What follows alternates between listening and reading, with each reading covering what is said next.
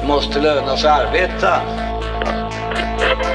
Det är väl den typ av inblandning vi kan ta ansvar för. I övrigt är det ju arbetsmarknadens parter som sätter löner i Sverige. Sticka en nål i en arm i Italien eller i Sverige borde inte vara jättestor skillnad egentligen. För mig är det viktigt att vi har verktyg och redskap om det är så att konjunkturen vänder. Välkomna till Arbete och fritid fredag 26 juni och vår säsongsavslutning. Idag ska vi prata om hur vi smartast kan ta oss ur den här covidkrisen och vi ska fokusera på ekonomin. Och med oss har vi Britta Lejon, ST. God morgon. Samuel Engblom, TCO. God morgon. Och vi har en gäst idag, Per Lindvall, som är vår ekonomikrönikör på Arbetsvärlden. Och han skriver också för GP och Realtid och är tidigare finansanalytiker. God morgon. Hörni, är ni redo för sommaren nu då? Definitivt. Jag längtar. Hörni, det har varit mycket debatt om de här krispaketen och relationen eh, hur mycket man ska stötta företagen och hur mycket socialförsäkringarna ska stärkas upp. Men i det långsiktiga perspektivet är positionerna kanske lite mer låsta. Vi ska diskutera idag om man kan dra några slutsatser av den här krisen och vilken, kanske lite vilken värld det är som vi närmar oss efter krisen. Självklart ska vi också lyssna till en jobbig värld den här gången om vad som sker när Almedalsveckan är inställd. Jag tänkte börja med att fråga er. Har ni tänkt på någon speciell lärdom som man kan dra av den här krisen? Vad är er största liksom, insikt från den här krisen och vad som behöver fixas? Ja, det finns ju mycket som behöver fixas men jag tycker att det är så uppenbart att statens roll eh, har tydliggjorts på ett sätt som man aldrig har, som, som vi har glömt eh, sedan 1990 års kriser. Och, och det är ju framförallt att man inser att det är bara staten som kan bära vissa risker. Som kan ta på sig det, och, och, ha ett, ett socialförsäkringssystem eller inkomstbortfallssystem värt namnet. Så det, det, tror jag är, är kanske den viktigaste och att man ser att de här privata, att bygga buffertar och sånt här, börjar ekonomin skaka och, och själv, hamna i självsvängningar som vi såg i början på krisen, men då funkar ju inte den privata alternativen för då, då, det, det bygger ju på att finansmarknaden fungerar eller är stabil, men den är ju inte stabil. Just det. Britta? Ja men gud vad härligt att höra någon som säger det där. Det är ju musik för mina öron som ni förstår. Jag brukar säga Per i den här podden att jag tycker att den här pandemin visar på vikten av samhällsinstitutionerna. Att de fungerar väl, att de har goda förutsättningar att utföra sitt arbete. För det är liksom de som vi har att lita till. Så att, um, jag kan bara instämma, men jag vill kanske lägga till också att eh, just välfärdssamhället i dess helhet, alltså just det här med socialförsäkringar som gör det möjligt för människor att vara hemma när de är sjuka, men också naturligtvis en a-kassa värd namnet, eh, trygghetssystemen generellt eh, och naturligtvis eh, vården, att den har tillräckliga resurser. Så att, eh, men jag håller verkligen med, samhällsinstitutionernas betydelse är viktig. Sen finns det väl andra slutsatser man så småningom kommer kunna dra. Som, jag, menar, jag tror att vi, man får vara lite ödmjuk för att det kanske finns andra slutsatser vi kan dra senare. Eh, om hur krisen bäst hade bekämpats och sådär. Som inte vi mäktar med att göra just nu. Mm. Samuel, vad har du drabbats av för insikt? Nej, först vill jag säga att jag håller med om det som Per och Britta säger. Både om det här statens roll, samhällsinstitutionernas roll. Sen har det blivit ganska uppenbart hur eh, alltså, eh, vissa svagheter i samhället har blivit ganska uppenbara. Eh, vi har sett att trygghetssystemen fungerar bra, men inte för riktigt alla. Alltså de här grupperna som då eh, ja, atypiskt anlitade sådana till exempel har då inte träffats. Eh, de här insatserna man gjorde för att minska smittspridningen, till exempel med ja, med slopandet av karensavdrag och sådana här saker. Ja, det funkade för många, men Eh, inte för dem som hade timanställningar i, i äldrevården till exempel. Och det där hoppas jag kommer bli en del också av analysen sen. Vad, vad betyder eh, att, att människor har ett svagt socialt skyddsnät och att man har osäkra anställningsförhållanden? Vad betyder det egentligen? Eh, för människor. Det är någonting som kanske inte tidigare eh, vi haft lika mycket fokus på men nu har det blivit så uppenbart att, att, att vad, det, vad det gör. Så jag hoppas väl att den insikten också kommer följa med in i det som kommer efter det här. Får man stanna lite i det där kortsiktiga, hur vi tar oss ur krisen på kort sikt? Jag tänkte på den här, det har ju varit lite uppmärksammat ändå det här med korttidsarbete, permitteringarna, att det liksom går ifrån en svensk tradition av mer ja, men, eh, kreativ förstörelse. Nej, men att, att inte skydda företag utan att eh, skydda anställda och att man ska kunna, man ska bli eh, arbetslös och så ska man gå vidare till en bransch som har framtiden, eller ett företag som har framtiden för sig. Hur ser ni på det där? Är det där ett skifte nu eller är det någonting tillfälligt? Eller? Fast jag vet inte om det riktigt går att jämföra det. Alltså den, styrkan i, en av styrkorna i den svenska eh, modellen eh, som handlar om just det där du beskriver, nämligen att vi från fackföreningsrörelsen inte har slagits för varje jobb utan för våra medlemmars trygghet och möjlighet att få ett nytt jobb och trygghet är däremellan jobben.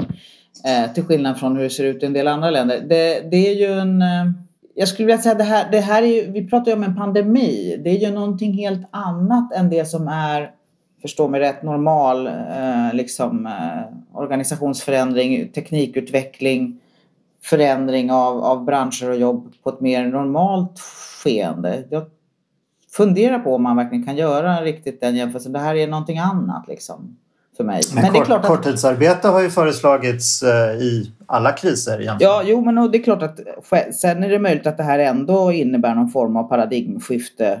Ja, nej, men jag skulle vilja säga att det, det här pandemin och kanske även finanskrisen 2008-2009 där så, så visar det ändå att vi har byggt upp vissa sårbarheter på i, i, i liksom ja, hela balansräkningen. Vi har eh, lånenivåer som gör att allting är väldigt sårbart och så här långt har ju då centralbankerna gått in och i princip räddat. Så fort det, det smyger sig in risk i systemet så att riskpremier drar upp så, så, så, så händer det väldigt dramatiska saker. Och, och, och, då måste ju de här institutionerna gå in och sen så en pandemi är ju eh, på ett annat sätt. Och, och jag tycker där, det är liksom inte direkta strukturfel att, att möjligen inom, inom hotell och liksom resor och sånt där att vi, vi kanske kommer att resa mindre så där det, det kommer ju ske en utslagning även, även om man så att säga räddar en del företag kortsiktigt.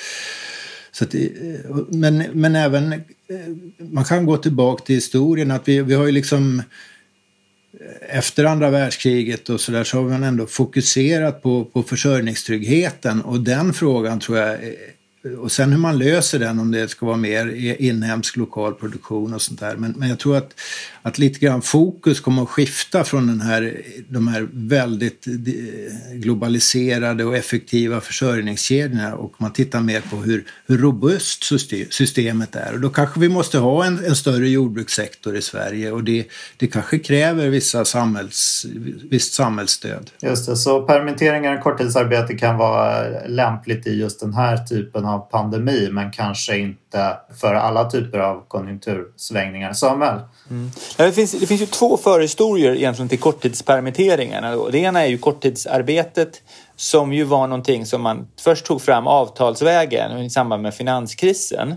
Eh, och det var ganska, alltså det var ju väldigt svårt därför att det handlade ju då om att eh, ett företag skulle få en möjlighet att eh, alltså det är enskilt företag att då sänka arbetstid Eh, och därmed då också eh, sänka eh, sina lönekostnader eh, på ett sätt som kollektivavtalen annars inte tillät. Och det var ju till och med uppe eh, det, fanns, det var en hel del svårigheter kring hur man skulle tolka de gällande avtalen och så, inte minst på tjänstemannasidan. Väldigt svåra avvägningar som gjordes.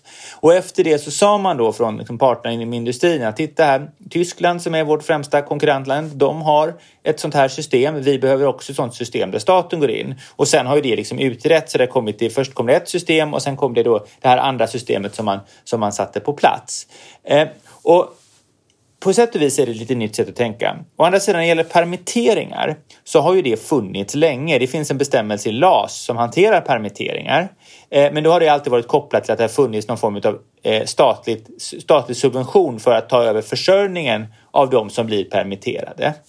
Det som kanske är lite intressant med korttidsarbete idag och som kanske gör att det, det jag tror att det är, det är ju en typ av sak som man ser egentligen i alla OECD-länder att man använder sig av under den här krisen. Därför att då tänker man att det är viktigt att hålla ihop den här organisationen. Det vill säga för att om folk blir uppsagda då, då börjar de leta andra jobb och så och så kanske de hamnar någon annanstans. Men om de har kvar sina jobb, även om de går ner då på 20 procent som man kan göra idag, då tänker man då går det snabbare att återstarta företaget. Att det är vissa av de här banden ska bevaras. Och då tänker man också att det är olika företag som på det viset kan fortleva.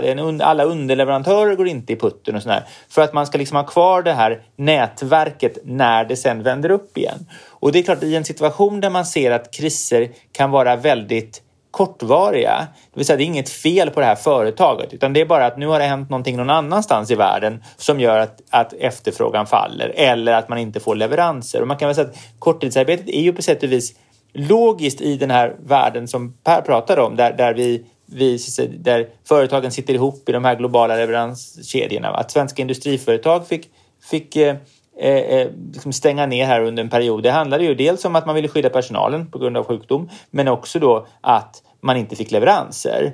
Plus då att det inte fanns någon, någon, någon eh, plötsligt gick efterfrågan ner. Va? Och då ville man kunna starta upp igen. Så på sätt och vis kan man säga att den här, även om det kan tyckas vara ett, ett brott med den här principen att vi ska vi ska rädda människor och inte jobb, så, så eh, liksom inte, inte det jobbet de har, Eh, så finns det ändå en logik i den typen av eh, insatser i de här systemen som då är känsliga för störningar. Just det. Hörde, vi inledde ju med eh, att prata a-kassan, eller Per gjorde det. Jag, jag, eh, jag funderar på, igår så såg jag att eh, Lars Calmfors, eh, ekonomiprofessorn och Martin Ådahl från Centern menade att Eh, den här höjda a-kassan som har skett nu får inte bli långvarig för då kanske folk hindras från att ta sämre betalda jobb här när det vänder. Ehm, men eh, Lars Calmfors öppnade för en konjunkturberoende a-kassa eh, som alltså skulle ja, växla beroende på konjunktur och också för index, indexering så att den inte ska urholkas, alltså att den följer med löner och Eh, inflationen. Eh, vad säger, jag misstänker att jag vet ungefär vad Britta och Samuel tycker om a-kassan. Men Per, vad, vad tänker du om, om det här? Jag tycker eh, den, den är, det, det är den här vilka incitament driver människors förändring eller liksom beteenden. Och eh, för mig, jag tror att det vore viktigt att, att höja ersättningsnivåerna i a-kassan. Jag tror att alla människor vill i grunden jobba och man vill inte ta för mycket ledigt för att det händer så, utvecklingen sker så snabbt. Så jag tror att den här risken att man skulle gå hemma och, och bara hova hem a-kassapengar, den, den är väldigt överdriven. Jag tror att man skulle kunna lösa andra samhällsekonomiska problem genom att höja eh, a-kassenivåerna, i synnerhet för de som tjänar mycket, för de har ett extremt högt sparande idag. Och det där sparandet, det är något som är svårt för folk i allmänhet men, men, att förstå, men det, det, är inget konstruktivt sparande, det är ingenting som driver investeringar längre, utan det, det bygger upp fordringar på andra medborgare. Så det, det är i princip eh, och en spa, jag brukar ha den här liknelsen att, att, att, mina utgifter är någon annans inkomst. Men om jag drar ner på mina utgifter så sjunker andra människors inkomster. Och det, det där är ju något som så internationella ekonomer med Larry Summers här, man flaggar för. Det är det som ligger bakom den här eh, secular stagnation, att vi, att vi har fått en väldigt låg produktivitets och ekonomisk tillväxt. Det är att, att eh, vi har en ojämlikhet som, som så driver ett högt sparande som inte eh, driver investeringar. Och, och då tror jag att, att höjda a-kassenivåer och kanske även införa värnskatten igen som jag skrev, det, det, det är ganska konstruktivt. Det ligger i linje med, med vad jag uppfattar som den, de, så här, de insikter som, som sprider sig inom den internationella eller amerikanska makro... Men vad, vad, är det då vi sparar i? Brukar man inte snarare säga att vi är överbelånade och så? Utan vad är, det, vad är det, de här besparingarna som svenska folket jo, men, på? Men, men, men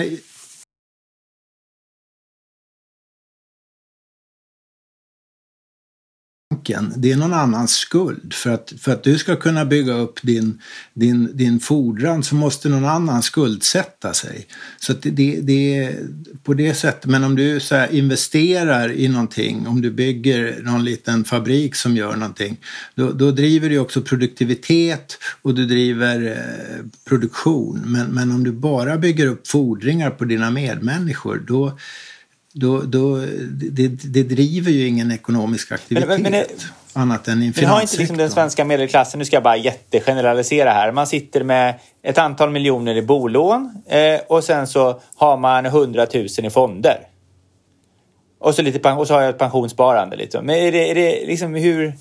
På vilket sätt? Jag tänkte de där fonderna, de är väl i aktier och sånt där som ska ut och finansiera nya växande företag och sånt. Vad är det som är så destruktivt med det där?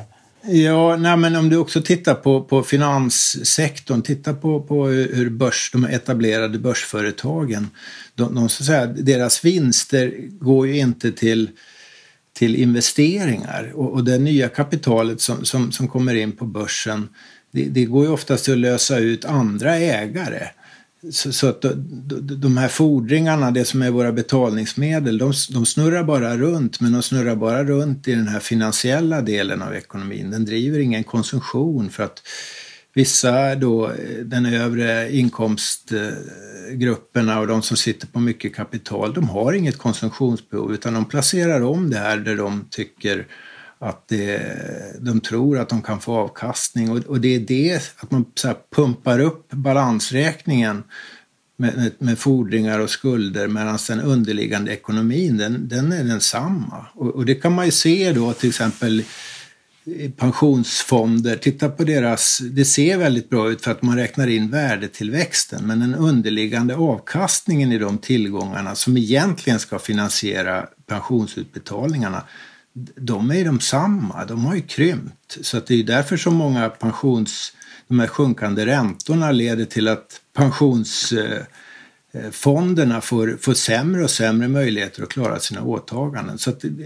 det, det, är lite komplicerat men har du en gång sett den här balansräkningen framför dig där du inser att din, ditt sparande är någon annans skuld så, så, så blir, öppnar sig liksom en ganska krass insikt att det kanske inte är vägen att gå. Mm. Hörrni, om vi går över på lite mer långsiktiga, när krisen är över. Då ska ju vår statsskuld som nu väl närmar sig 45-55 procent ner till de här 35 procenten som eh, finanspolitiska ramverket eh, föreskriver. Var kommer de här pengarna att tas? Ja, jag tycker det är, från, mitt, från min horisont så är det, det är ju liksom ganska överspelat. Det där var ju någonting, hela det här ramverket måste ju ses över för att det om staten ska, ska säga, krympa sin, sina åtaganden, sin skuld och för att ekonomin ska, inte ska krympa så måste den privata sektorn då öka sin skuldsättning och det har vi ju sett. Och, och eh, ja, jag tycker i, i, min värld så måste staten ta på sig en större del av det av skuldkakan liksom, för att hålla ekonomin eh, stabil och för att följa med tillväxten. Att, att stat, jag menar, i, i, man har haft den här bilden av hushåll att vi ska liksom betala av våra skulder och när vi ska dö skuldfria. Men det där börjar man ju allt mer släppa. Att, att så här, bostadslån, ja men de ska du inte betala av. De kan ju snarare öka över tid. Privat skuldfrihet gäller inte längre men, men av någon anledning ska staten som egentligen ska leva i evig tid den ska betala av sina skulder och, och, och det finns ingen poäng i det.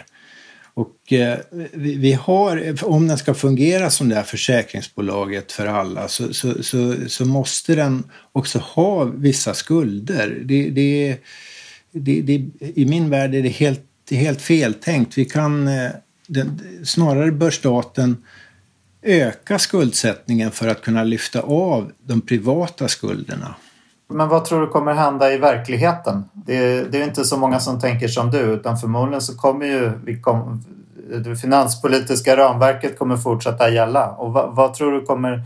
Jag tycker man kan titta på EU då, då, euroområdet och där har ju så här, Tyskland gjort en liten usväng och, och, vi är ju mer tyska än vad tyskarna själva är i ekonomisk eh, så här, makro Och, och, och, där har man ju öppnat för mer underskottsfinansiering och, och man inser att det, det, det, det, Tyskland får ju oerhört mycket kritik om man läser Financial Times. hela deras modell är ju mer byggd på en moral än, än på en ekonomisk verklighet. Och, och, svänger Tyskland om, då tror jag inte att det är några problem för Sverige att göra det heller.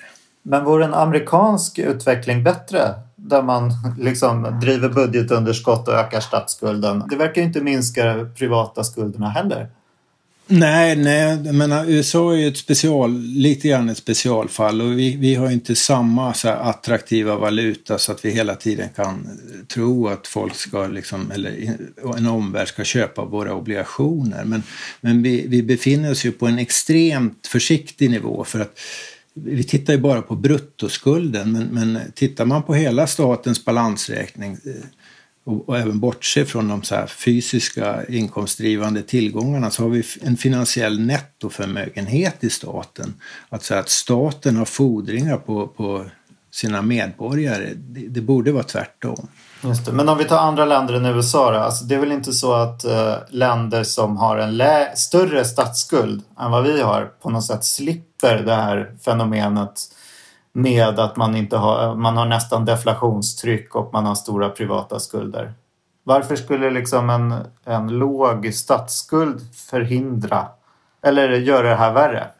Ja, men om, om, du, om du ska betala av statsskulden så måste du ta in mer pengar i skatt än vad du gör av med. Och, det, och då, då minskar penningcirkulationen och, och det, det är ju ett, ett, så här, ett grepp för att sänka inflationen.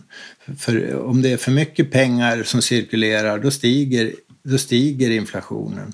Men problemet är när alla skulder skapas i den privata sektorn att, att den där köpkraften den används inte för konsumtion utan den används för att köpa andra finansiella tillgångar. Så att, eh, men, men om staten med sitt transfereringssystem eller genom investeringar ökar sin skuldsättning då skulle de där nyskapade betalningsmedlen gå direkt ut i, i, i den verkliga ekonomin och då skulle det bli mera tryck.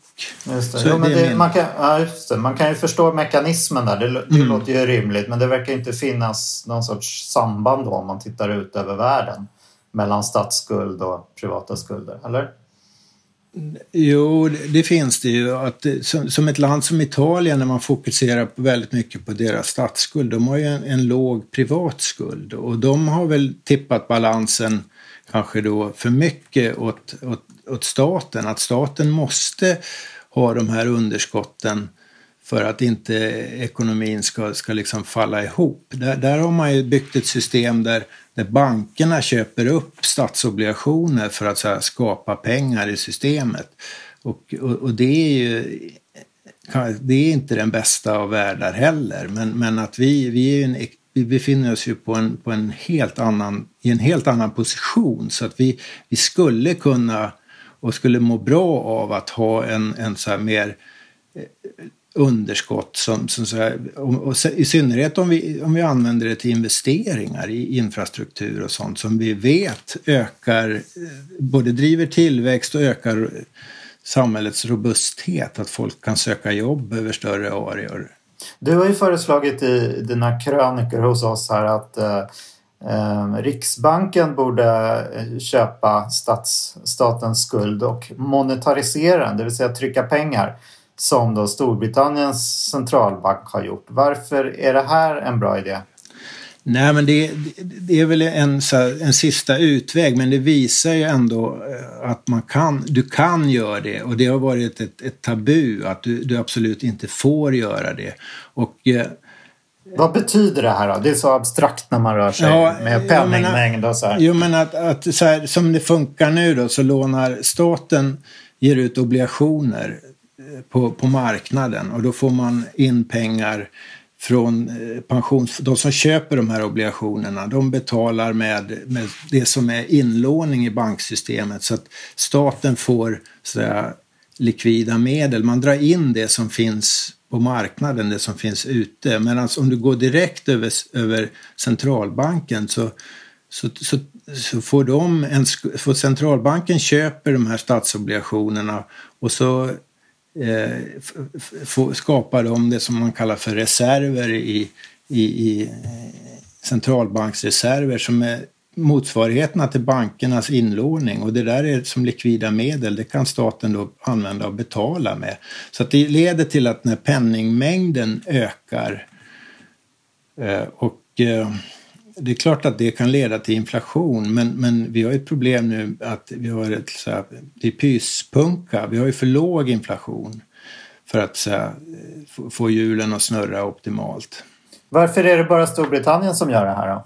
Ja, därför att regelverket inom så här, euron förbjuder det. Även om man gör det, man köper de här obligationerna på marknaden och eh, USA har man ju diskuterat det, men, men det har man ju inte behövt göra än för att det är sånt sug efter, efter amerikanska statspapper. Det är ju som, som en safe haven. Så att de, de har ju problemet att de, de suger in sparande från hela omvärlden som så gärna vill ha. De, alla ländernas, länder med bytesbalansöverskott som bygger upp fordringar, de, de tenderar ju att hamna i USA till slut. För att man ska placera det i någonting som man anser är tryggt och då är det amerikanska statspapper som gäller.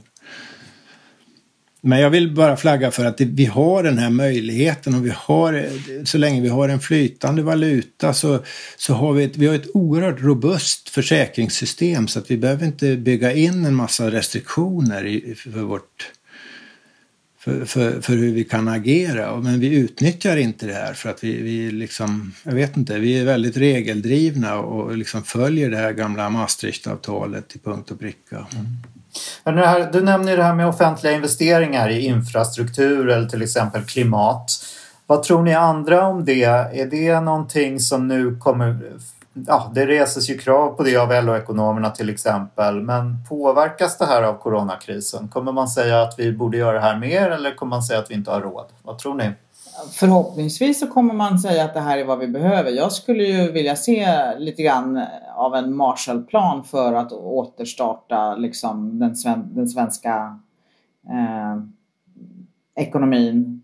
Eh, och visserligen tror jag att det, vissa branscher kommer för, ja, har, har liksom mer eller mindre försvunnit, imploderat sådär. Men, men däremot just investeringar i infrastruktur, men investeringar som också är investeringar i ett mer klimatsmart samhälle. Det tror jag är otroligt viktigt i det läge vi är nu. Så jag är väldigt glad över det här äh, uppdraget till Trafikverket som kom igår eller i morse om, om höghastighetsbanan till exempel. Det tycker jag är ett sådant exempel eh, Eh, som vi skulle behöva se mer av. Jag tror till exempel om man tittar på ett sånt här, en sån här problemområde vi har som om vi inte gör någonting åt det kommer skapa stora bekymmer det är ju att klimatförändringarna för, förändrar förutsättningarna för vårt vattensystem. Eh, alltså vi behöver göra stora investeringar i kommunernas vatten, vattenledningsförmåga, i vår förmåga att försörja samhället med rent vatten. Där vi har byggt det till stor del utifrån ett annat klimat än vad vi nu ser framför oss. Så att,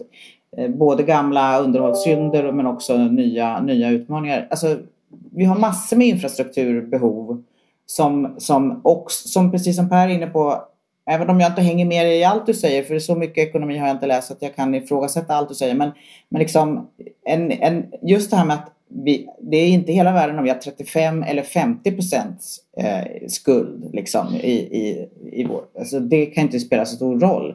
Eh, utan tvärtom att investera i sånt som bygger nya jobb och som gör Sverige mer funktionsdugligt. Och vi har gigantiska behov av att bygga om oss i en mer klimatsmart eh, samhällsinriktning. Så att jag hoppas verkligen att både det som nu sker i EU som jag tror, om man lyckas med det här med att ha en gemensam eh, solidaritetsfond som är någon kombination av bidrag och lån till, till, till, till länder som i väldigt hög grad behöver det. Så tror jag att det är någon sorts game changer också för vad som kommer att kunna vara möjligt framöver. Och som indirekt kanske påverkar oss även om vi inte är ett euroland. Och jag hoppas verkligen att vi tar som samhälle chansen nu att göra rätt. Att liksom inte göra det här med att liksom spara på och gneta på varenda Eh, varenda liksom krona och, och eh, till som ju, alltså, det har ju också en kostnad. Liksom. Så att, eh, jag hoppas verkligen att vi gör rätt. Och investeringar i infrastruktur, men investeringar i ett klimatsmart infra infrastruktur är superviktigt. Och sen ser jag att vi behöver investera i att bygga vårt välfärdssamhälle starkare och större och bättre än vad det har varit. Den här krisen visar ju på bristerna, precis som Samuel var inne på. Eh, så att eh, vi har en hel del att göra på det området också. Eh. Vad tror Samuel? Kommer kraven på offentliga investeringar ta över? Kommer vi ta en, ta en tysk sväng eller kommer vi vara fortsatt svenska och eh, kanske till och med kräva att det offentliga ska skära ner nu för att vi ska komma tillbaks i statsskuldstermer? Alltså först får man säga så här, tittar man till exempel på kommunerna så kommer det ju kräva, alltså om man inte gör någonting så kommer det ju krävas nedskärningar. Så är det ju. Eh, därför att det är klart, menar, skatteintäkter sjunker. Man har haft, eh, nu ersätts man ju för kostnader som man har haft på grund av corona. Men man kommer ändå, det finns liksom, man har byggt upp ett, ett, ett, ett, en skuld vad gäller vård och omsorg och även utbildning som man måste beta av. Så det rimliga är väl att man faktiskt fortsätter ge kommunerna pengar för att klara den här delen. Och det gäller ju delvis en del statliga myndigheter också som har, som har hamnat i en lite annan situation än vad de skulle ha gjort eh, annars. Sen tror väl jag att jag, om jag går tillbaka till krisen, tiden före eh, coronakrisen eh, och liksom samtal man har haft med människor som är ekonomisk-politiska talespersoner och sånt här lite brett. Så min tolkning, och då är jag ju verkligen lekman på det här området, är väl att det ändå har funnits en, en viss trötthet kring det här gamla 90-talssystemet. Alltså att man har mellan skål och vägg börjat eh, diskutera eh, poängen med ett sånt här skuldankare och att vi alltid ska liksom ha ett eh, att vi ska trycka ner statsskulden så mycket som möjligt. Så jag kan mycket väl tänka mig att det kommer komma en ny syn på det. Sen är ju frågan vad vi gör med de pengarna. För det är klart, skulle vi gå från 35 till 45 eller från 35 till 50 eh, därför att vi finansierar viktiga samhällsinvesteringar, då är det ju en sak. Om vi går från 35 till 50 Eh, och, och, det bygger på att vi öser ut subventioner eller att vi blir väldigt frivola i trygghetssystemen. Ja, då är det en helt annan sak att göra. Och det jag kan fundera på när det gäller Sverige, det är ju att vi har svårt för de stora projekten. På gott och på ont. Eh, jag har ju liksom, om man tar ett land som Frankrike, de har inte svårt för de stora projekten. Eh, italienarna har inte svårt för att inleda de stora projekten, de kanske har svårt att slutföra dem ibland. Men, men alltså det finns det här att ja, men det, det är klart att vi ska ha liksom våra grand linje, va? våra snabbtågslinjer. Eh, eh, och liksom eh, det finns en, alltså projektet i sig är värt någonting. Eh, att nu så ska vi göra, en, en, president ska sätta sig på kartan och göra saker. I Sverige, eh, eller vi ska ordna OS. I Sverige är vi inte sådana. Eh, och det finns något väldigt sunt med det, därför att det är klart att det förhindrar en massa felinvesteringar. Men det är klart, det kan också göra att vi inte vågar vissa saker som vi kanske borde våga, även om inte samhällsnyttan är kalkylerad framlänges och baklänges. Nu tar jag inte jag ställning till några enskilda projekt här, men jag skulle vilja se jag skulle vilja se de där projekten. Jag skulle vilja se att kanske någon journalist ställde frågan till politikerna. Eh, ja, om vi nu tänker oss att vi ska eh, öka statsskulden med 5% Vad skulle ni vilja lägga pengarna på? Då kommer allihopa svara att nej, vi ska inte hålla på att öka statsskulden med 5% Men alltså, för, ni förstår tankeleken. Jag skulle vilja veta vad är det för projekt ni har eh, nu? Eh, och, eh, det fin och det finns en del, jag tänker, eh, eh, jag sitter ju i regeringens innovationsråd och eh, eh, det finns ju bland liksom innovationspolicydiskussionerna Eh, en strömning nu med Mariana Mazzucato och andra som mycket handlar om att staten måste ta en mer aktiv roll. Att det finns en poäng med de stora projekten. Alltså, och då inte, eh, ja, månlandningen. Eh, men även andra typer av projekt där man behöver så här missions. sätta upp ett mål, det här ska genomföras och så satsar man pengar på det. För att man vet att det här kommer generera ett svar på den frågan men också generera ett svar på andra viktiga frågor. Ta fram ny teknik och sådana saker. Och det är väl liksom lite sånt man faktiskt skulle vilja se att eh, vi vågar. Det kanske är på klimatområdet till exempel. Att vi vågar sätta... Men nu har vi det här, vi ska bli Sverige, världens första eh, fossilfria välfärdsstat. Men jag känner att det behövs ju mål på vägen dit. Va? Och att det kanske den typen av liksom långsiktiga investeringar det skulle jag vilja se att man gör om man nu börjar liksom släppa på det här eh, liksom det, det finanspolitiska eh, ramverket. Ja, vem vet. Jag tänker att den här entusiasmen för Guldbron vid Slussen kanske är ett tecken på att nu lossnar det. Eh, who knows? Jag tänker, jag, eller började rinna ut där. Men jag tänkte historiskt så stämmer inte riktigt den här bilden. Om man, om man tittar på, på framväxten av svensk så här, eh, världsledande industri och teknik så, så har ju den skett i symbios mellan stat och företag, framförallt då Wallenberg, Wallenbergsfären.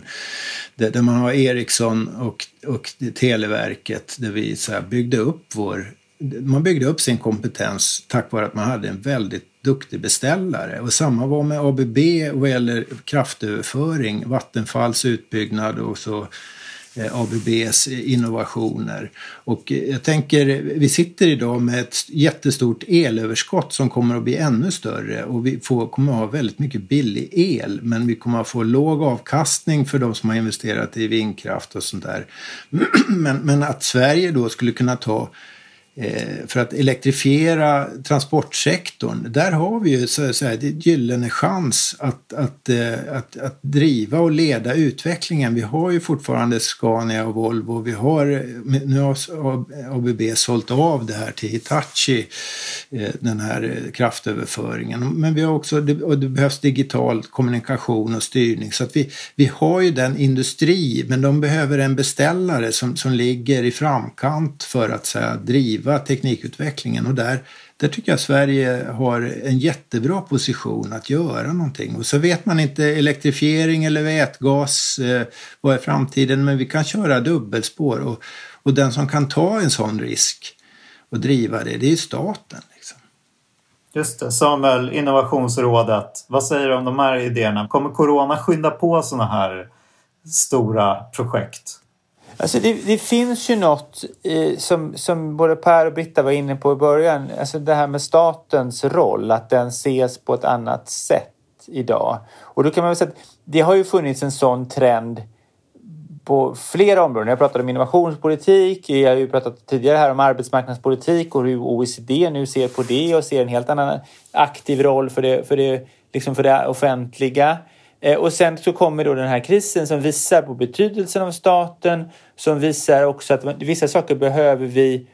För här finns ju några tydliga eh, liksom, uppgifter för staten att förbättra beredskapen, att säkra vaccintillgång. Att sä alltså det finns ju tydliga sådana här offentliga uppgifter som nu måste utföras. Så, så det, det, är väl det här att, att eh, det har, om det har funnits en diskussion inom och det är väl ofta så det händer att du har en, det kommer en diskussion i ekonomisk forskning, i policykretsar och sånt. Och sen kommer det tillfälle som gör att det här ska genomföras. Liksom. 90-talskrisen ledde till att man genomför idéer från 80-talet. Kanske kommer den här krisen leda till att man genomför idéer från 2010-talet.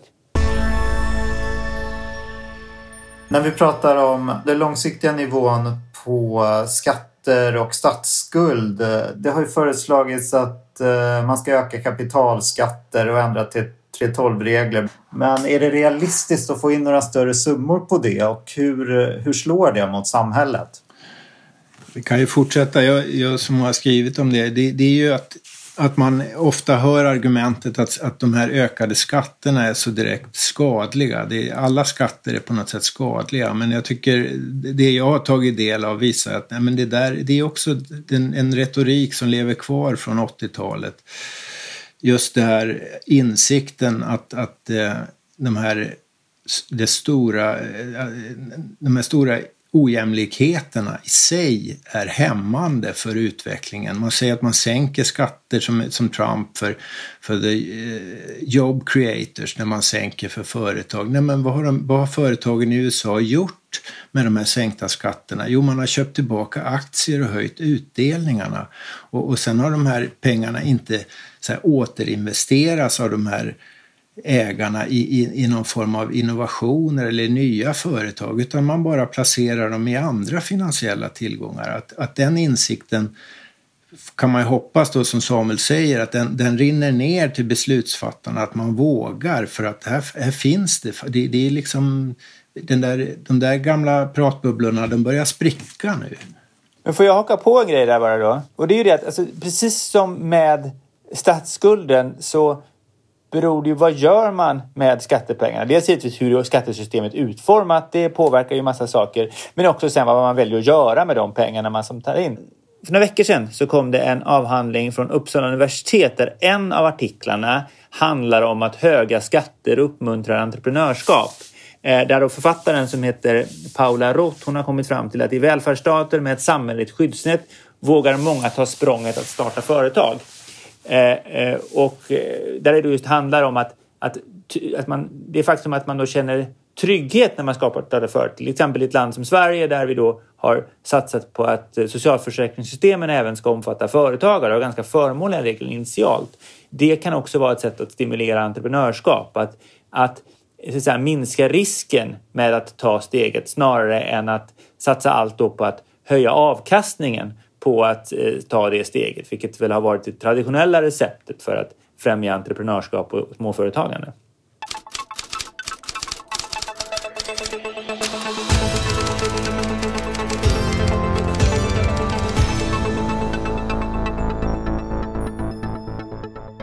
Betydligt fräschare luft i Visby.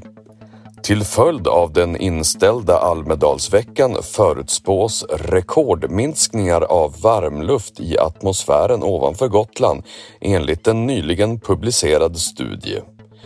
Studien visar att den inställda Almedalsvecka får stora och omedelbara miljöeffekter. Sikten kommer att vara klar för första gången på årtionden under den första veckan i juli, säger klimatanalytiker Efraim Pil.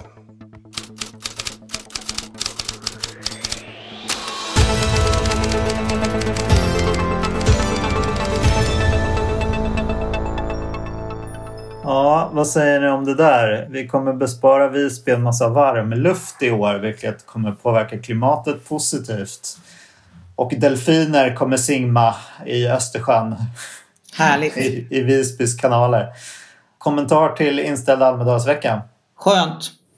Man kan väl säga så att arbetsmiljömässigt för sådana som mig och Britta så är det väl väldigt bra att man inte avslutar arbetsåret med något sånt här crescendo där man då eh, liksom jobbar jättemycket under ett antal dagar extremt intensivt och det ska förberedas och det ska utan att det kanske blir en lite liksom, bättre avtrappning.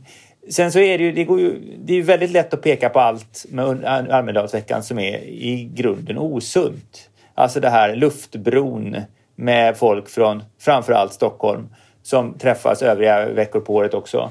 Eh, eh, enormt uppdrivna priser på saker och ting. Eh, en... Eh, eh, jag tror att alkoholkulturen har väl blivit bättre på senare år men, men det fanns ju för ett antal år sedan så var väl ett, ett rejält problem.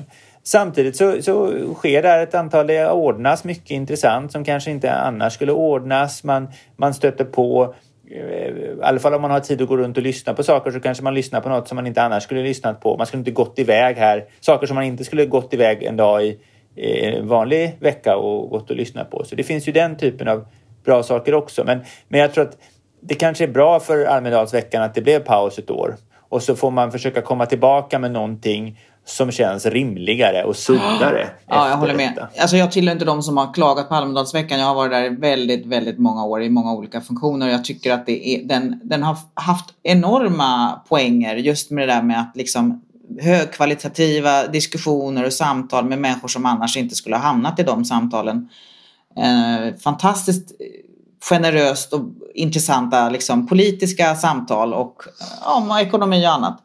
Men jag tycker att på senare år har det blivit mindre av samtal och mer av business och geschäft.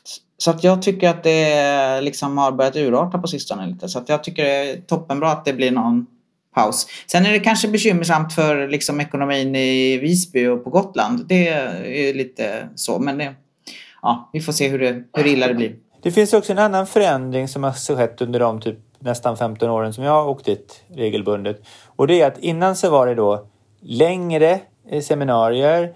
Eh, I publiken satt en massa kunniga människor som hade möjlighet att komma med väldigt kunniga frågor. Nu har de blivit kortare. Det är liksom inte en, en halv timme eller en timme längre. Det är 45 minuter. Det är mycket hårdare styrt. Det är ofta inga publikfrågor. Eh, där, delvis för att det började, alltså alla intresseorganisationer kom ju på att man kunde gå omkring, gå omkring och ställa samma fråga på alla ställen och så här. Alltså det har blivit mindre interaktivt eh, och mer eh, liksom show. Jag vet själv, man går runt och så gör man tio grejer och man upp på en scen och så levererar man sina liksom såna här saker. Framförallt mot slutet av veckan, efter några dagar så är man ju uppe i varv och då går det väldigt fort och man vet precis vad man ska säga. Man vet kanske knappt var man är någonstans, men man vet precis vad man ska säga. Eh, och, och då blir det ju, glider det ju mot att bli allt mindre intressant. Per, brukar du vara på Almedalsveckan? Jag har varit där några gånger och det, jag känner mig, eller liksom som en outsider i, i de där sammanhangen. Men, men jag tyckte det var lite fånigt när man såg Carl Bildt på en discoscen. Liksom. Jag tänkte, är det här, är det här på riktigt? Men, eh, men det, det kanske var eh, ett sätt att visa folklighet och annat. Men, nej, eh, det, det är väl kanske bra med en time-out där också, utvärdera det här och se vad, vad egentligen ger det. Och jag ser ju också, det har varit väldigt många bra och trevliga seminarier där också, men, men liksom helheten kanske blir och hur den uppfattas av gemene man. Det blir ju som en liten klick, en elit som samlas, som är avskärmad från folket i, i allmänhet. Så det där, eh, och hur det tas emot. Så det, man kanske kan hitta andra former för det här. Jag tycker de här samtalen verkligen behövs, men det kanske ska ut, turnera runt i landet. Kanske inte ska vara Visby hela tiden, utan man kan flytta sig till eh, byta, byta områden och kanske skala ner det lite grann. Liksom. Och i sommar så kommer den här podden turnera runt i landet. Nej då, det kommer Tänk om vi skulle göra det. Så, nya, nya sommartoppen. ja, jag tycker jag är inte främmande för den tanken faktiskt. Att jag kan tycka att vi är dåliga på att göra saker i eh, Göteborg och Malmö och liksom Luleå. Vi skulle kunna göra mer sådana saker där faktiskt. Nu ska man jobba hemma hela hösten också. Nej! Va? Var har du hört det någonstans? Ja, det var Tegnell sa idag. Ställ in er på att jobba hemma i höst ja, Jag kommer inte överleva. Oh. Nej, jag, då får jag fundera på att börja strejka. Jag vet inte vad jag ska göra, men någonting. Nej, inte strejka. Ja. Usch, vad hemskt! Jag, jag, jag är inte främmande för tanken. Det har varit rätt skönt. Hörni, eh, tack så mycket för idag. Vår sommaravslutning, säsongsavslutning. Tänk att vi har gjort den här podden hela våren. Ja, jag säger tack till panelen. Tack till Per som var vår gäst idag. Tack, tack. Och eh, säger att det är Anders Ljung som klipper podden som vanligt. Och att eh, man ska fortsätta prenumerera. Vem vet, vi kanske kommer tillbaks i höst. Och eh, också gå in på Arbetsvärlden och anmäla sig till vårt nyhetsbrev naturligtvis. Så får man både Pers krönikor och annat smått och gott i mejlen. Glad sommar allihopa! Detsamma! Detsamma! Detsamma ja. Så hörs vi i höst igen. Hej då! Hej då! Hej då!